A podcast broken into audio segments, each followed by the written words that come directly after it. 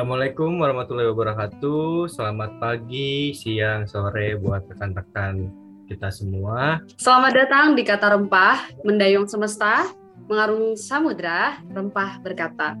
Bersama saya, Elsa Zulaida, Laskar Rempah Provinsi Jawa Tengah. Dan saya, Denny Alamsyah, Laskar Rempah dari DKI Jakarta. Ya, kita ketemu lagi di episode 20. Jadi nggak berasa ya. Ini adalah episode terakhir di musim pertama Kata Rempah. Bener, saya juga tiba-tiba kayak waktu cepat banget berlalu ya Mbak Elsa, tiba-tiba udah nyampe di last season atau episode terakhir nih di musim ini. Nah, kemarin-kemarin kan kalau kita kan udah menunggu gitu kan kemarin pelayaran dan akhirnya kita juga sudah berjumpa ya Bang Den ya sama teman-teman Laskar dari seluruh Indonesia karena kemarin baru aja nih masih hangat-hangatnya baru aja kita melaksanakan event utama kita yaitu Muhibah Budaya Jalur Rempah. Oke, jadi nih Bang Den, dari episode pertama sampai episode terakhir ini, di musim pertama kata rempah ternyata nih masih ada salah satu provinsi nih yang belum berbagi uh, terkait informasinya gitu kan.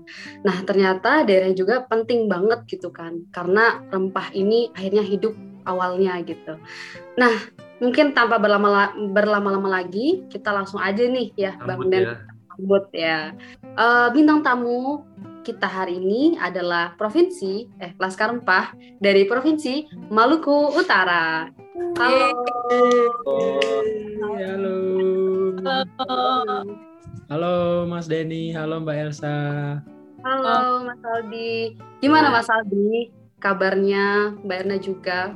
Ya, alhamdulillah baik. Uh, gak ada kendala saat ini ya setelah berlayar kemarin masih ya masih ibarat culture shock ya kalau ke negara seseorang ke negara tetangga atau negara keluar negeri terus balik itu masih culture shock. Nah kalau kita sih kayak lebih ke program sih gitu ya udah sebulan lalu masih kangen-kangenan kan. Iya betul. Nah oke okay, oke okay. Mas Aldi uh, kalau lihat dari statusnya Mas Aldi nih di Instagram di WhatsApp gitu ya, kayak Mas Aldi uh, lagi nggak stay di Maluku ya? Iya bener. Sekarang oh. lagi di tanah Papua. Wah, keren banget. Keren kali kata Aldi ini. Kegiatan apa itu kalau boleh tahu Mas Aldi? Oh iya, uh, kemarin aku ikut PPAP kan, akhirnya dapat di zona timur ditempatkan di Papua Barat di Kecamatan Man Kabupaten Manokwari. Wah, keren banget ya. Semoga kegiatannya selalu lancar ya, Mas Aldi ke depannya. Terima nah, kasih. Nah, oke. Okay. Uh, satu lagi nih Bang Den, siapa ya? Siapa ya? ada ya? kita punya Nona Manis nih dari Maluku Utara. Monggo ya. monggo perkenalan Nona Manisnya. Halo Mbak Elsa, Mas Denny. Perkenalkan nama saya Erna, kalian pasti sudah tahu dari Maluku Utara. Halo Kak ya, Erna. Halo Kak Erna. Kak Erna sekarang stay di mana nih Kak? Sementara lagi di Surabaya, tidak di Maluku Utara. Wah, kalau boleh tahu kegiatan apa tuh Kak? Lagi lanjut studi di sini, guys. Wah, keren oh, banget. Keren sekali. Keren eh, banget ya. Emang keren mana? banget Laskar. Memang keren. mana gitu ya Bang Den ya. Gak cuma di mana-mana memang. Iya. Yang jelas tapi nggak menghilangkan identitas khasnya gitu kan dari provinsinya gitu. Oke, kalau misal kita langsung aja kali ya Bang Den ya. Kita sharing-sharing nih, kita ulik informasinya dari Laskar Rempah Provinsi Maluku Utara boleh ya karena boleh boleh boleh nah mungkin uh, teman-teman nih penasaran gitu uh, karena sama Mas Aldi gitu kan mungkin terkait Maluku itu kondisinya gimana sih kayak kondisi geografisnya kayak cuacanya gitu kan kalau kalau di Dieng nih di tempatnya Elsa kan dingin banget nah kalau misal di daerah Maluku di Maluku Utara ini di tempatnya Kairna sama Mas Aldi itu gimana sih Aldi duluan ya. Okay. Boleh boleh silakan Mas Aldi. Uh, ya kurang lebih kemarin uh, Mbak Elsa dan teman-teman Laskar yang di batch Pala di sini ada Bang Mo, ada Mbak Elsa udah pernah ke Ternate nih. Belum. Udah tahu dong. Oh Mas Denny nanti ya mungkin semoga aja. Ya. Pasti udah udah tahu kan uh, kondisi cuaca di Ternate uh, panas biasanya mostly panas, hujan, hujan juga kadang-kadang karena kalau di daerah aku sendiri karena aku berasal di Morotai itu uh, ibarat dibilang matahari itu ada dua di atas kepala. Jadi kayak panas dua kali lebih panas dari Ternate. Mantap sih, lebih panas ya ternyata. Ya, Nah, kalau misal dari Kak Erna sendiri gimana Kak? Ya barangkali sama ya sama yang Aldi jelaskan tadi. Kan Elsa juga kan udah pernah ya sampai ke Ternate. Iya. Bagaimana panasnya di Ternate kayak gimana? Yang awalnya datang glowing banget, terus pas pulang udah angus gitu aja.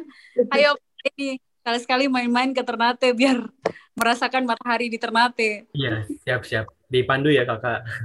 Oh siap, siap, siap. Jadi tour guide loh kemarin siang-siang naik motor gitu ya keliling Ternate. Itu sehari selesai pun ya keliling ya Kak ya. Iya, Benar. Karena wilayahnya mungkin eh, nggak terlalu besar gitu ya. jadi Hmm. Ternate itu pusat kotanya tuh di bawah kaki Gunung Gamalama. Kalau teman-teman Oke, oke. Dan Ternate ini merupakan kota terkecil yang ada di Provinsi Maluku Utara. Nah, eh, dulunya Ternate ini itu ibu kota, cuman karena eh, kepadatan penduduk dan pusat pemerintahannya semua di sini, akhirnya eh, di apa ya, di pemerintah Maluku Utara bertujuan untuk menyetarakan pembangunan, akhirnya dipindahkan ibu kota Provinsi Utara dari Ternate ke Sovivi dan sekarang pusat pemerintahan eh, Provinsi Maluku Utara ada di Sovivi, sudah nggak di Ternate. Tetapi tetap ekonomi yang lebih berkembang tuh di Ternate itu. Walaupun apa ya kota pulau terkecil tuh tapi ya pusatnya di Maluku Utara itu Ternate gitu. Habis itu tadi kan sudah disinggung nih sama Mbak Elsa terkait keadaan wilayah.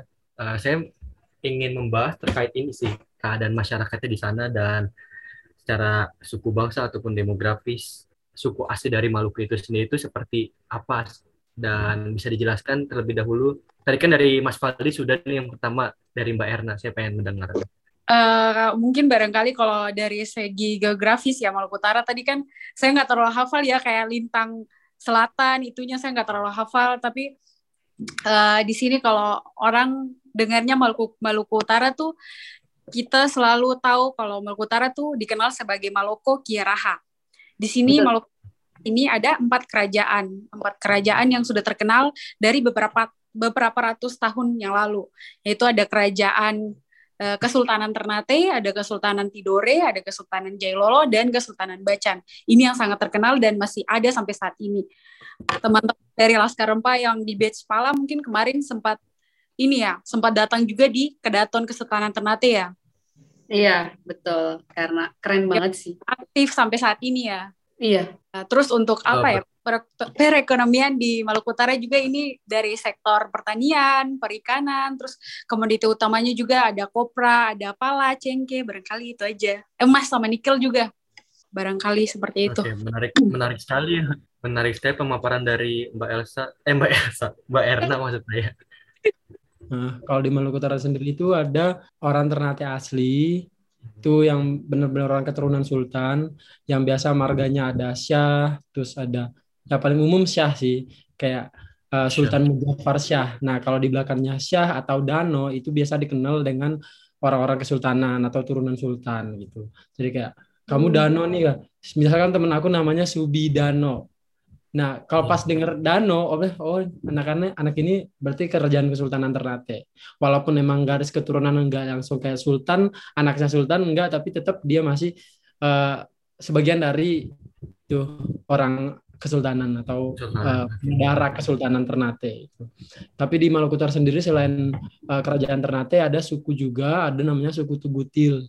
Nah, suku Tugutil ini suku pedalaman di Pulau Halmahera yang eh, yang apa ya yang yang yang sekarang suku ini tuh di- dijaga karena suku ini masih dibilang sangat primitif. Jadi kayak misalkan kita ke Ternate eh ke ke ke Halmahera terus eh, nggak tahu tahu apa apa tentang suku ini dan kita kayak merasa suku ini aman-aman aja ternyata enggak gitu.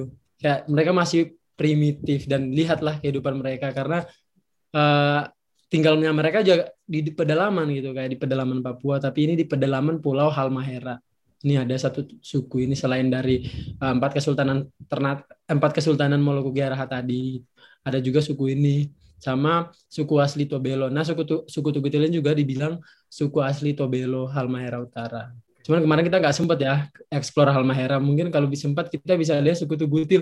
Tapi kita pas kita datang dipanah sama suku Tugutil karena karena memang masih primitif dan itu nggak ada yang berani datang sendirian untuk mengunjungi Hmm. Eh, tempat suku ini, suku Tugutil. Karena eh, kehidupan mereka tuh sangat alam dan cara mereka bertahan hidupnya dengan berburu. Iya. Jadi ibarat manusia pun bisa dimakan gitu.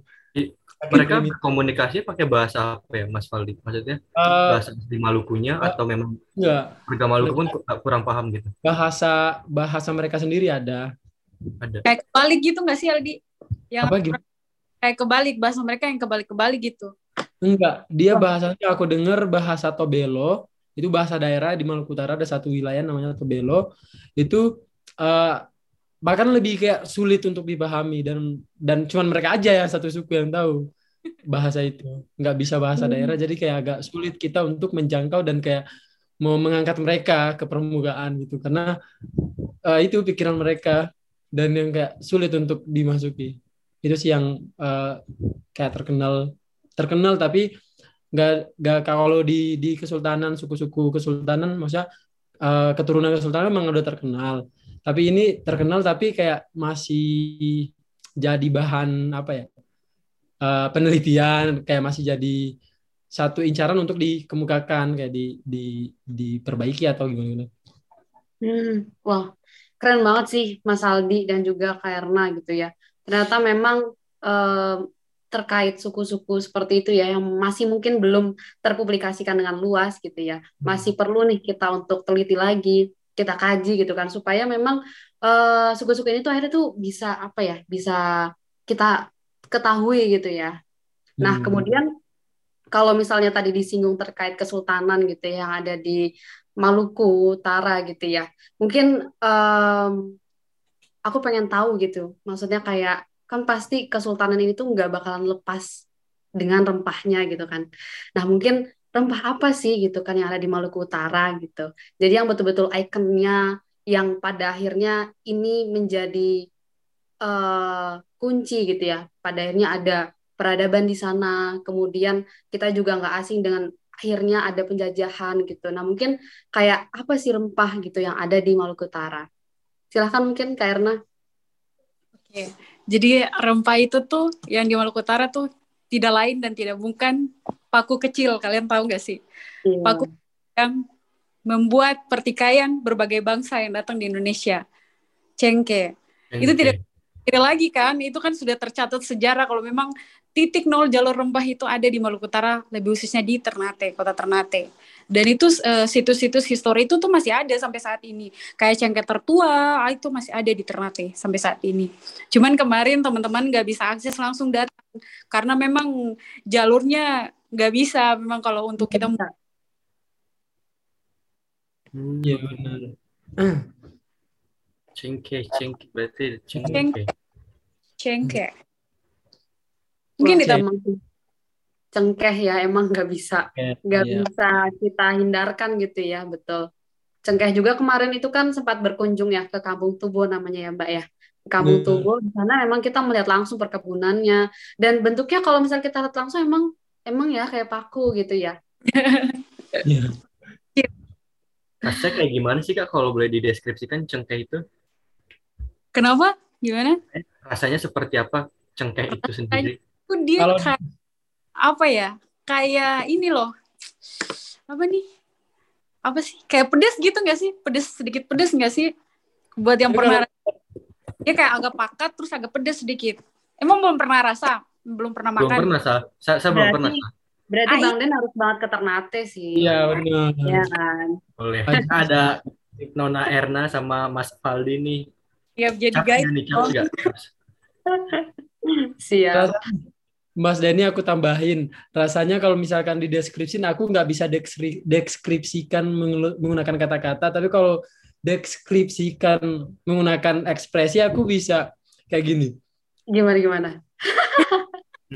kayak gitu. Soalnya Tapi rasanya kayak agak asam kalau pala kan emang kayak asam banget ya iya.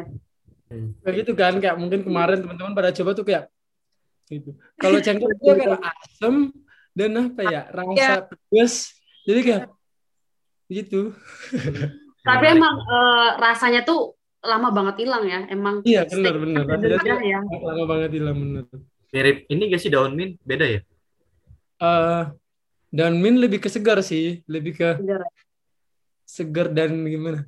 Nah, kalau Oh, cengkeh tuh kayak ada pedis, segar, sama Mungkin- asam gitu. Iya iya. Kalau cengkeh berarti ini ya bisa dikatakan memorable lah di lidah tuh. Iya. Gak bakal hilang lama banget hilangnya jujur kemarin waktu pas nyoba. Bener. Dan kalau kalau nih apa ada kemarin sebenarnya tuh harus banget dikunjungi karena ada satu tempat wisata namanya cengkeh cengkeh ter, cengkeh kebun cengkeh. Nah kebun cengkeh ini tuh kebun cengkeh yang eh, cengkeh pohon cengkeh yang ditanam berjejeran entah kapan ditanam tetapi kayak cengkehnya tuh udah mati. Cengkehnya udah mati. Nah ini nih. Bisa dijadiin ap- apa spot wisata yang biasa tuh kayak kalau moto bera- berasa kayak berada di di mana? Di luar negeri loh kalau kalau foto di kebun cengkeh ini. Iya karena eh, daunnya udah nggak ada tapi eh, pohonnya tetap tumbuh kokoh gitu. Hmm. sama batang-batangnya aja. Daunnya udah nggak ada sama batang-batang. Terus kalau di foto tuh eh, kayak berasa di luar negeri sedang apa ya musim semi Berarti eh, nggak perlu jauh-jauh untuk melihat keindahan alam di Iya. luar negeri. Karena Indonesia pun begitu banyak keindahan yang belum kita ketahui, gitu ya Mas Aldi.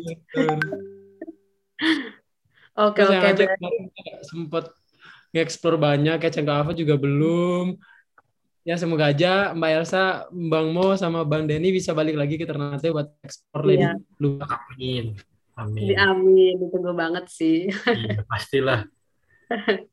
Oh iya, em, kemarin kan waktu berkunjung ke Kampung Tubo itu, Kampung Adat Tubo, kan eh, dari Laskar itu disambut gitu ya, tentang ada tariannya, kemudian ada iringannya juga. Nah ini kan membuat em, apa ya, ada banyak banget ternyata seni budaya yang ada di Maluku Utara gitu ya, Mas Aldi dan Kak Erna juga.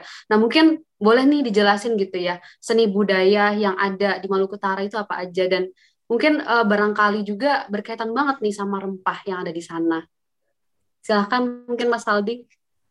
Iya, kemarin tuh kayaknya kalau di Ternate aku lihat tuh kayak tiba-tiba dikit ding ding ding dikit ding ding ding kayak banyak narinya sih kalau di Ternate kemarin kayak ada banyak tarian terus pas diputar teman-teman Laskar udah pada yang uh, itu menandakan kayak di Maluku Utara tuh banyak kesenian kayak kebudayaan itu sangat banyak dan mungkin ini juga salah satu eh, pengaruhnya sama apa kait ada kaitannya sama jalur rempah kayak rempah-rempah. Ya yang kemarin tuh kalau tadi Mbak Elsa bilang ke Tubo kan kemarin itu ada satu tarian yang ki- di, di kayak itu memorable banget sih kayak unforgettable moment ketika kita sampai kayak kebun cengkeh terus disambut sama tarian togal. Nah tarian togal ini tuh eh, salah satu tardia- tarian tradisional Maluku Utara yang di di di di apa biasanya dimainin tuh sama eh, mama-mama biasanya ibu-ibu kayak kalau dimainin sama ibu-ibu tuh rasanya kayak lebih kayak kayak lebih aktif dan semangat ketimbang dimainin sama anak-anak muda kalau tarian togal itu. Jadi kayak kemarin pas eh, datang ke Cengkeh terus ibu-ibu narik tuh kayak energik, tapi memang eh, tarian togal ini tuh biasa didariin sama ibu-ibu tarian pergaulan kayak kalau misalkan ada acara acara pernikahan itu biasanya tarian togal ini untuk menyemangati ibu-ibu yang di dapur udah nyuci piring Hmm, Udah ya, capek-capek. capek capek kerja itu tarian togal ini biasanya sebagai pelipur lara untuk Oh, eh, biar happy lagi para ibu-ibu. wah keren banget sih ini kemarin. Pada semangat banget kemarin Mas Laskar untuk ikut menari. Kan kalau ibu-ibu yang nari kita pengen langsung ikut. Kepo ya kalau Iya, ibu itu. Soalnya kalau ajakan dari ibu-ibu tuh nggak bisa ditolak ya, Mas Aldi ya. Bener. Hmm. Asik banget. Oke. Nah, dan selain ini itu, ya ampun. kemarin ya bener. Dan selain ini kemarin juga teman-teman udah nyaksiin tarian soya-soya Nah, ini yang iya, paling iya. erat sama eh, jalur rempah ya otomatis karena eh, tarian soya ini merupakan tarian perperang yang dulunya eh, digunakan untuk mengantar jenazah Sultan Babula.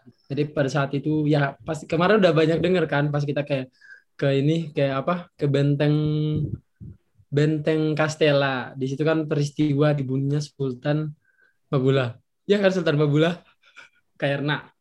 Iya betul betul betul. Betul sekali. Dan, Oke. dan ah, kalau tarian saya ini tuh biasanya lebih unik dan emang mungkin sekarang udah di dimainin sama anak-anak usia dini sama anak-anak SMP itu lebih lebih energik. Tapi memang bisa dimainin, bisa ditariin untuk semua usia. Tapi kalau ditariin sama anak-anak tuh lebih lebih kayak energik aja, lebih bersemangat kan anak-anak kan.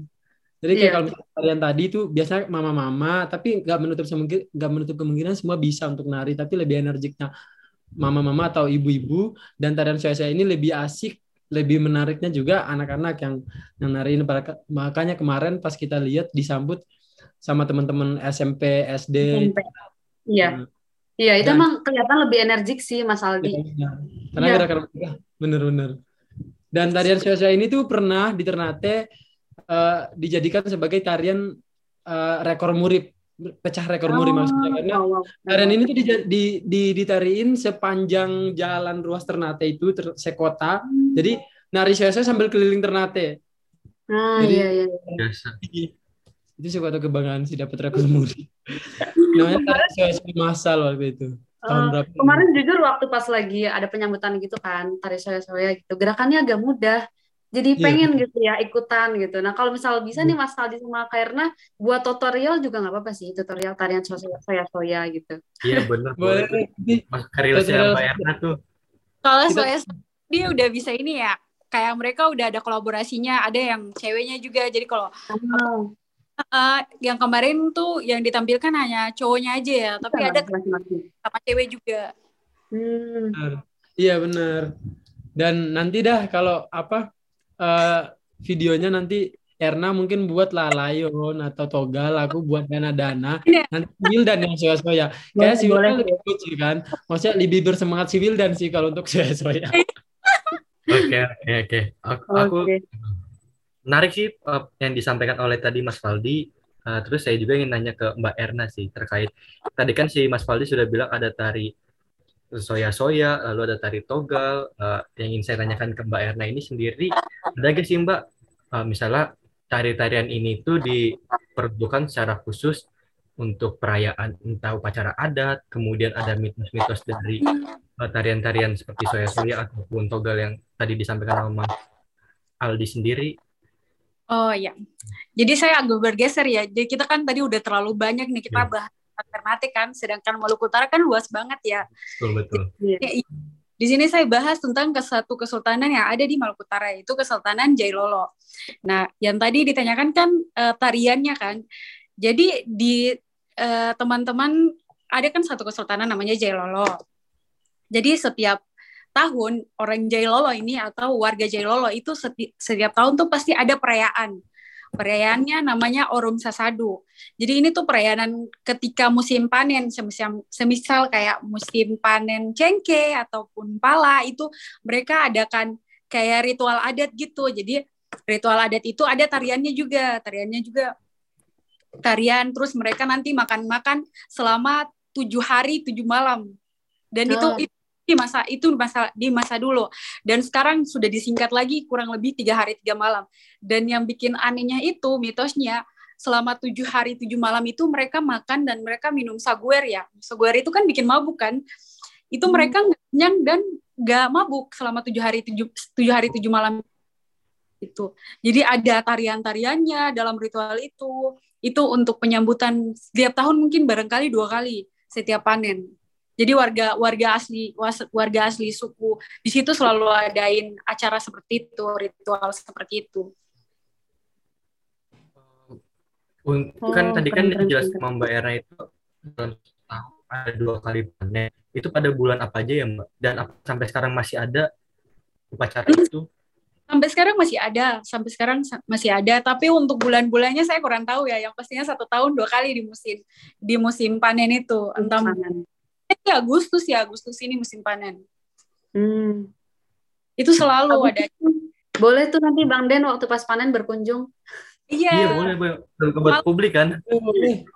Yang penting tahan ombak aja sih. Biasanya kalau dari Ternate ke Jailolo tuh lewat laut ya lumayan ombak Oh, ombaknya 5 lumayan. meter lah minimal. Naik Dewa Ruci lagi ya. naik Dewa Ruci boleh sih. Tapi kemarin tuh uh, kita punya konsep di Maluku Utara ada namanya jalur rempah Maluku Utara khusus. Jadi ya nanti kita Hmm. berlayarnya dari Ternate keliling empat kerajaan uh, kesultanan empat Hmm. kesultanan di Maluku Utara terus sama daerah-daerah yang ada di Maluku Utara. Mungkin teman-teman bisa pakai akomodasi sendiri nanti kita ini aja maksudnya pas berlayarnya Ya. keliling Maluku Utara gitu. Jalur rempah Ah. Maluku Utara. Nabung dulu ya Aldi. Tapi Nabung dulu ya. Sebulan nabung dulu ya. Iya, iya. Nanti kalau misalnya udah ada tabungannya, kami berangkat. Insya Allah. Atau atau mungkin Mas Aldi mau menghibahkan dana boleh sih. Dana biasa itu bisa dihibahkan. Kirim aja proposalnya nanti kami kirim ke Disbud DKI. Barangkali ngacir dana. Iya. Oke oke oke. Eh, mungkin mitosnya juga yang tadi kita udah lihat gitu ya betul-betul menarik gitu kan. Dan eh, aku tuh jadi keinget Mbak kemarin waktu pas di kamu ada tubuh itu juga ini mereka memiliki kepercayaan bahwa ketika setelah panen itu harus ada kayak hasil panen yang disedekahkan Kak. Tapi ini ke masjid gitu. Jadi mereka percaya eh, bahwa ad- dari bagian panen ini itu nggak cuma nggak cuma punya mereka tapi ada beberapa bagian yang harus disedekahkan gitu Hmm. karena itu milik umat gitu itu benar nggak karena Mas Aldi Kalau itu ya kurang lebih seperti itu ya. Aku pikir tadi Elsa mau bilang kalau apa disedekahkan ke makhluk-makhluk gaib. Iya, iya. enggak ini ke masjid kak ini ke masjid gitu ya Iya. Iya. Iya, kalau menurut aku emang gitu. Orang Ternate kan dikenal sebagai eh masa Kesultanan Ternate emang dikenal sebagai Kesultanan Islam. Ya. Meskipun Jadi teguh syariat-syariat Islam.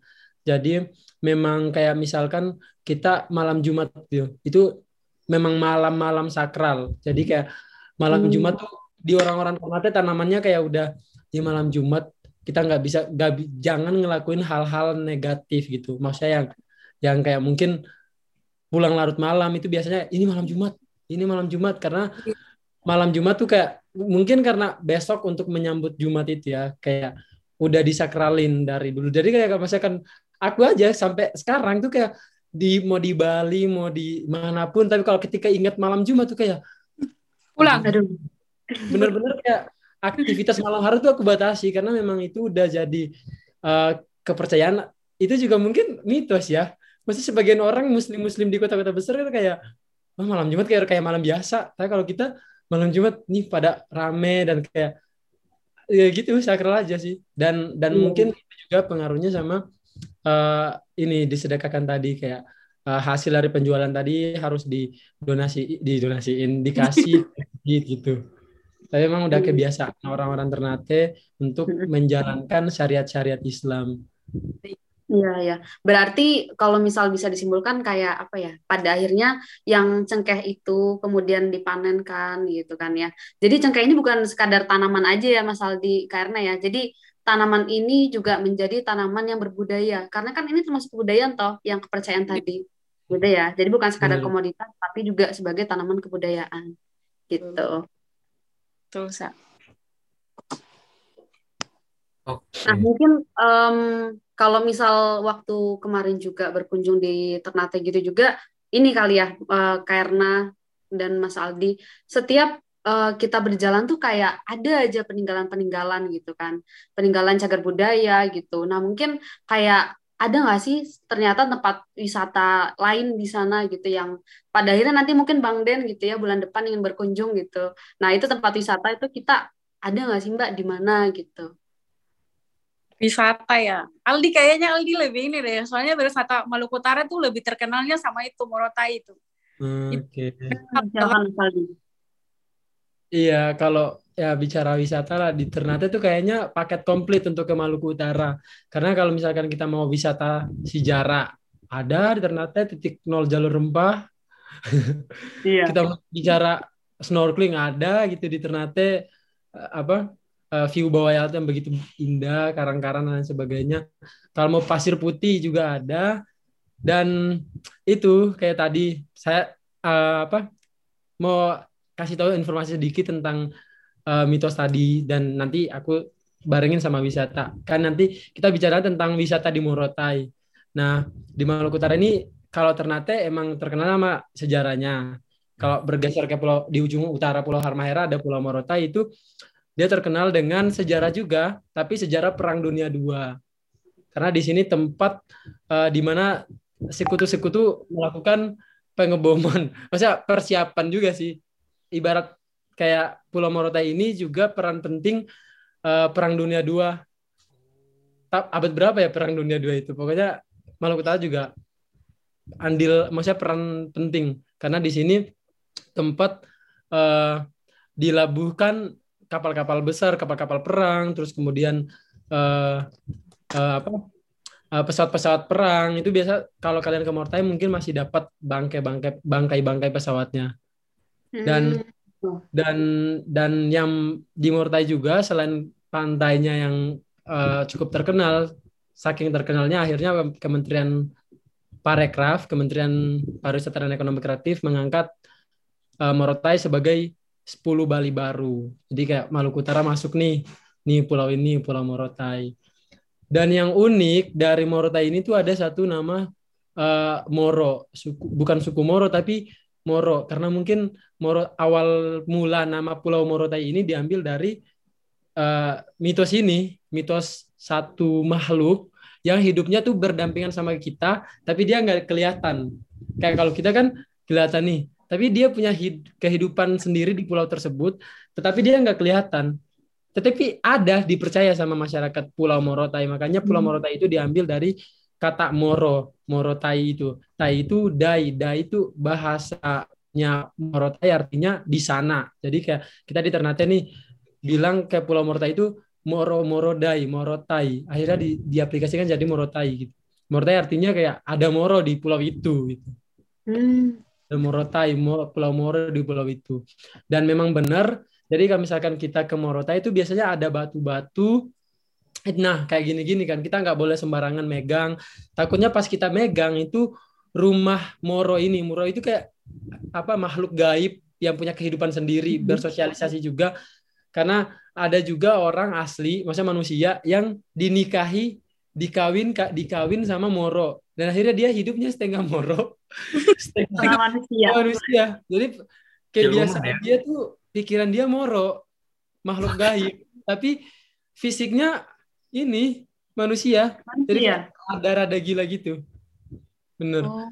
Kayak dan kayak cobalah nanti kalau misalkan kalian ke nanti ke Morotai dan nyari Moro mungkin nanti Moro mau salah satu mau dikawin sama Moro pas balik udah langsung jadi kayak orang setengah sadar setengah manusia setengah Moro tapi bisa ada memang fakta dan ini dia masyarakat satu masyarakat dia memang dinikahi nama Moro dan kemudian akhirnya dimandikan dan akhirnya balik lagi ke normal manusia biasa. Dan dia nyeritain kayak kehidupan dia dikawin dia di, di pas dinikahi sama Moro dan kayak ber apa bersosialisasi sama Moro. Ternyata mereka tuh punya punya punya kapal, punya kendaraan, punya iya. uang, punya mata uang dan lain sebagainya. Kayak kehidupan mereka tuh ada tapi yeah. emang nggak dilihat jadi kayak kalau datang ke Murta itu kita nggak bisa langsung kayak sentuh-sentuh sembarangan di utang-utang di dibatasi oh. karena takutnya pas kita sentuh itu merupakan tempat mereka berjanji atau kayak buat janjian dan tiba-tiba kita sentuh kita langsung dapat kayak menikah tiba-tiba kayak gitu. Udah, menarik, menarik. Eh, tahu gak sih, eh aku kalau kasih info nih di, untuk batch pala nih kalian. Kemarin kalian dijagain gak sih sama seditekan gak sih sama Mbak Monik? Jangan kenapa, itu, kenapa? jangan itu itu karena gini loh di masa waktu uh, di Ternate itu ada satu apa uh, kakek di area Moyas itu itu hilang. Dan itu udah pencariannya udah kurang lebih satu minggu selama kalian di Ternate itu. Dan itu kan kabar yang beredar kan dia dicuri kayak dicuri Moro gitu dan mak oh. iya makanya tuh kalian aku kan waktu itu sama mobil sama Mbak Moni kan Mbak Moni tanya-tanya yeah. nah itu sukunya kayak bagaimana kayak bagaimana aku takut loh anak-anak apalagi kalian waktu kayak kebun cengkeh tuh itu kayak benar-benar panitia ini kan antisipasi banget kan ih liatin yeah. ini iya. situ karena takut tahu karena di momen yang waktu kalian datang itu ada satu orang yang hilang di masa itu di gunung gitu. Iya. Eh panitia takut, takut, takut. Tapi udah ketemu belum itu Mbak Erna? Kenapa? Sudah ketemu apa? Belum. Gila. Sekarang sampai sekarang belum. Orang gak dengar sama sekali. Erika bawa. Tapi kayaknya memang disimpan sama Moro sih maksudnya karena mereka hidupnya kan semoga dikembaliin kalau emang benar-benar disimpan. Iya, kasihan tahu. Aduh, berarti berarti nanti laskar-laskar lain yang kemarin ke Ternate ditanyain sih. Ada Iya. sesuatu yang berat nggak ya? Jangan-jangan dapat pasangan ini lagi. Pasang-pasangan gaib lagi. Yang sering menyendiri itu biasanya kayak itu Terus sering udah menyendiri. sering menyendiri dan Itu sering ya, yang biasa sering- mabuk. Hati-hati loh dia tuh. siapa? Siapa namanya? Yang mabuk? Bara, bara, bara. takutnya juga Eh. moronya estafet kayak nanti moronya juga ikut ke Cendana dan sampingnya di Surabaya. Malah beralak pindah nanti di Ikut sana. berlayar juga berarti ya. Parah sih. Ya Allah. Oke, oke, oke. Nih, kalau misal Bang Den, kita melihat dari eh, wawasannya Kak Erna sama Mas Aldi itu sudah betul-betul nggak perlu diragukan. Emang, emang, wah cocok banget gitu kan sebagai laskar dan perwakilan dari Maluku Utara, khususnya untuk Jalur Rempah. Emang dari segi wawasannya, wah keren banget sih. Baru tahu ternyata, oh kemarin ceritanya kayak gitu gitu ya. Jadi lebih detail. Nah, mungkin kalau misal terkait eh, wawasan yang tadi Mbak Mbak sama Mas Aldi udah jelaskan gitu ya. Pasti kan eh, udah belajar banyak tentang jalur rempah khususnya waktu pas dari awal eh, rekrutmen jadi laskar rempah gitu. Nah, mungkin boleh nih cerita Kak Erna sama Mas Aldi, mungkin awal-awal pendaftaran itu gimana, terus prosesnya eh, kayak gimana yang pada akhirnya terpilih menjadi laskar rempah.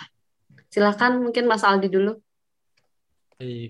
Ini kayaknya keren juga sih. Maksudnya eh, aku awalnya emang maksudnya orangnya gak suka sejarah kan, walaupun Ternate emang terkenal sama sejarahnya, tapi aku kayak apa sih bosan di SMA belajar sejarah yang kayak apa Homo sapiens dan sebagainya terus cap- apa kemerdekaan Indonesia capek banget.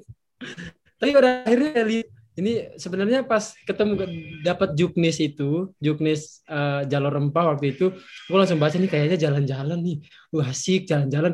Terus waktu itu kan ada Aceh kan sebelum dirubahnya jalur-jalur kita, batch-batch kita kan ada, aku lihat ada Sumbar, Aceh kan. Wuh, Rantimur kalau ke Sumatera nih belum pernah kan kayak Waduh, Rantimur su- kalau ke Sumatera kayak suatu kebanggaan, bisa ke Jawa tuh suatu kebanggaan. Pengen lah daftar, siapa tahu bisa kayak Aceh gratis, ke Sumatera gratis.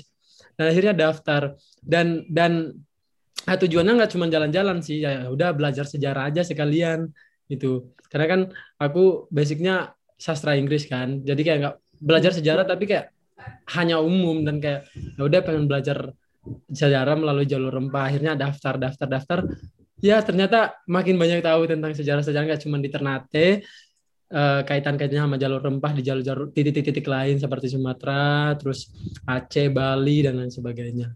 Nah dan yang pertama tuh disuruh eh, dapat informasi ini langsung daftar kan kayak agak pesimis juga sih karena yang seleksinya tuh ini dinas terkait kan dan dan di di di di, di pikiran aku kalau udah dinas yang seleksi itu takutnya kayak ada unsur KKN dan aku benar-benar waktu itu juga belum kenal sama Erna. Dan kayak aduh gimana nih kita? Takutnya yang dipilih orang-orang orang-orang itu yang orang-orang mereka aja. Terus ya udah kalau emang aku lolos ya udah alhamdulillah.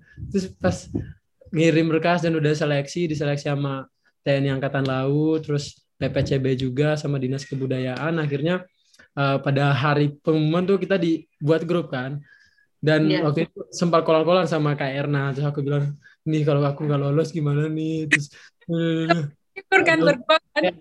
Heeh, benar dan itu baru pertama kenal. Kenal di Erna tuh jalur rempah. Walaupun ya emang ternyata sekecil itu tapi tetap kenalnya Erna di jalur rempah. Terus eh, pas pengumuman kayak agak pesimis. Kayak udah emang kalau ya lolos ya alhamdulillah. Kalau nggak lolos juga apa-apa. Ternyata pas diumumin kayak deg-degan kayak terus yang ngirim SK itu nggak sekalian. Kayak dikirim SK-nya kayak kan ada tiga lembar tuh lampiran terakhir kan nama-nama. Dikirimnya per satu kayak ini SK keterangannya dulu. Aku kayak nunggu Hmm. menunggu banget. Baru- ya. iya udah baca terus kita nunggu. Ini kayaknya belum deh. Habis dikirim lagi satu lembar berikutnya. Aduh belum belum. Dan satu lembar terakhir baru nama-nama kan nama langsung kok emang emang agak rada egois sih kayak tiba-tiba langsung langsung pas apa diterima nama-nama tuh lah ngecek nama pertama kayak nama aku nama aku nama, yang lain tuh enggak nama aku dulu nama aku nama ternyata ada tadi itu langsung uh semangat banget dan langsung ya biasa happy dah kalau habis dengar Terharu ya, terharu ya. karena Nangis nggak? Nangis nggak? Mas Aldi nangis nggak? lebih ke ini air mata kayak satu ember ya September. Sampai nangis berdarah boleh kali ya. Iya gitu jadi Nah. alhamdulillah ya sekarang Hmm. Kalau Mbak Erna, Mbak Erna ceritanya gimana Mbak? Cerita sampai jadi Laskar Rempah. Kalau aku juga kan lihatnya pertama kan di Instagram kan pas scroll gini wah ada rekrutmen nih Muiba Budaya. Terus yang aku lihat pertama tuh ini loh apa keliling Indonesia pakai kapal terus ada titik-titik. Baru aku kan memang hobinya jalan-jalan, memang udah biasa Hmm. jalan-jalan, pengen jalan-jalan ini pokoknya. Terus sempat kayak ya Allah seleksinya nih tentang kebudayaan, sejarah gitu. Sedangkan aku nih jurusannya engineer kan teknik kan. Ya udahlah Iya. daftar aja dulu daftar. Pas daftar gini jadi kayak mungkin poinnya poin saya yang diambil tuh mungkin karena saya anggota Mapala sama anggota diving aja terus bisa bisa kayak Hmm. nyanyi ini itu aja apa yang apa yang guru bilang kamu bisa nyanyi bisa langsung nyanyi kamu bisa ini bisa langsung bisa bisa aja jadi kayak mungkin gitu terus aku pas apa pengumumannya tuh aku nggak tahu tahu di jalan terus di WA sama Aldi tuh Aldi Kak Erna kita berdua lolos langsung Wah. pas buka SKM iya namaku darapan ketiga lolos guys seru banget ya waktu itu pengumumannya walaupun benar nunggu setahun untuk berangkat Berasa Tapi worth setahun it ya, ya. worth it. Setahun juga worth it. Oke, lah itu eh, waktu pas lagi proses ada tes berenang nggak Mbak, Mas? Enggak, kita nggak ada ada. tes berenang karena emang utara udah kayak idi lautan tuh punya kita. Orang baru lahir kayaknya mungkin kita udah langsung kayak nih latihan berenang pas lahir kan nih latihan berenang. Ya, ya ini ya sih bakat, bakat alaminya ya warga-warga Maluku. Tapi tetap kita habis seleksi kita kumpulin berlima, kita bikin seleksi berenang kita sendiri. Akhirnya kita mandi Ah. mandi kalau di Ternate tuh namanya mandi pantai, kayak Mandi renang ke pantai. laut. Iya, jadi kayak ayo kita bareng-barengan siapa nih yang paling paling jago renang? Tuh, renang kan. Akhirnya si Wildan yang paling jago renang. Yang paling jago. Iya. yang paling muda ya, yang paling muda Yang malah. paling dia paling jago. Dia sekali gini aja langsung uh garis finish. 30 melampaui. Keren, keren, keren. kita buat renang sendiri emang nggak ada seleksinya tapi kita inisia- inisiatif karena lihat di Inisiatif. daerah lain kayak di, di, di lain tuh misal di Jogja kan waktu itu Jogja seleksinya tuh kayak di Instagram banget kan di up. Terus aku lihat di ada seleksi fisiknya juga. Terus kita inisiatif yuk kita latihan renang takutnya pas di sana diceburin kita nggak bisa renang akhirnya ke pantai renang inisiatif sendiri guys. Inisiatif keren sih. Berarti emang nggak dilakukan lah sebagai Laskar Rempah ya. Kemarin itu, saya mau tanya deh Mbak Erna atau Mas Aldi, kemarin yang daftar di Laskar Empat ada berapa sih ingat kalian-kalian ini? Jumlah pendaftar. kalau seingat aku waktu itu 32 32. Dan online itu semua seleksinya. online se- semuanya Oh, semua Hmm. online ya? Nggak ada fisik ketemu offline itu nggak ada ada ya? fisik nggak ada fisik online yang berkas kan dilimpahkan ke ini kan ke daerah masing-masing sebelum Iya. kan kirimnya ke ke jalur RI terus nanti dilimpahkan ke kebudayaan Soalnya di Sumatera Selatan itu mereka ini sih di mix. Jadi ada yang tes fisiknya secara langsung sama yang online. Jadi orang berenang itu direkam. Iya. Sangat totalitas ya, totalitas. Totalitas banget. banget kan, kataku luar biasa banget. Ya. Menarik, menarik cerita dari rekrutmen yang ada di Maluku Utara ini. Eh, saya ingin menyambung ke pertanyaan selanjutnya sih terkait. Tadi kan sempat dibilang nih kalau dari di antara tadi kan disinggung kalau jalur rempah Maluku itu pengen ngadain jalur rempah sendiri kayak misalnya tur ke jalur rempah yang ada di Maluku itu sendiri kan. Nah, saya ingin tanya eh, kegiatan ke depannya itu di jalur rempah Maluku akan ada apa ya? Selain event yang tadi memang mau diadakan kan. Itu itu saya benar-benar tertarik sih. Kalau misalnya ada dana dan ada sponsor, mungkin berangkat sama Resyad. Iya. Dan untuk eh, apa ya pas program pasca ini eh, program pasca pelayaran kita memang saat ini lagi pisah-pisahan kan lagi LDRan mungkin Wildan nanti ke Makassar Erna ada di Surabaya aku di di Bali Wildan eh, tinggal ini aja nanti mungkin kita lebih ke eh, promosiin jalur rempah di sosial media kita masing-masing. Ah. Tapi kemungkinan ketika kita balik, kita bakal itu mungkin bikin jalur rempah Maluku Utara. Itu memang konsepnya dulu sebelum kita berlayar tuh udah di di ini di dibilang sebelum kita berlayar itu pembekalan sih sebenarnya kayak ayo sebelum kita menelusuri jalur rempah Indonesia kita harus menelusuri jalur rempah Maluku Utara. Jadi mungkin uh, pas nanti balik kalau emang kita udah punya dana masing-masing kita bisa jalanin jalur rempah Maluku Utara ini ya.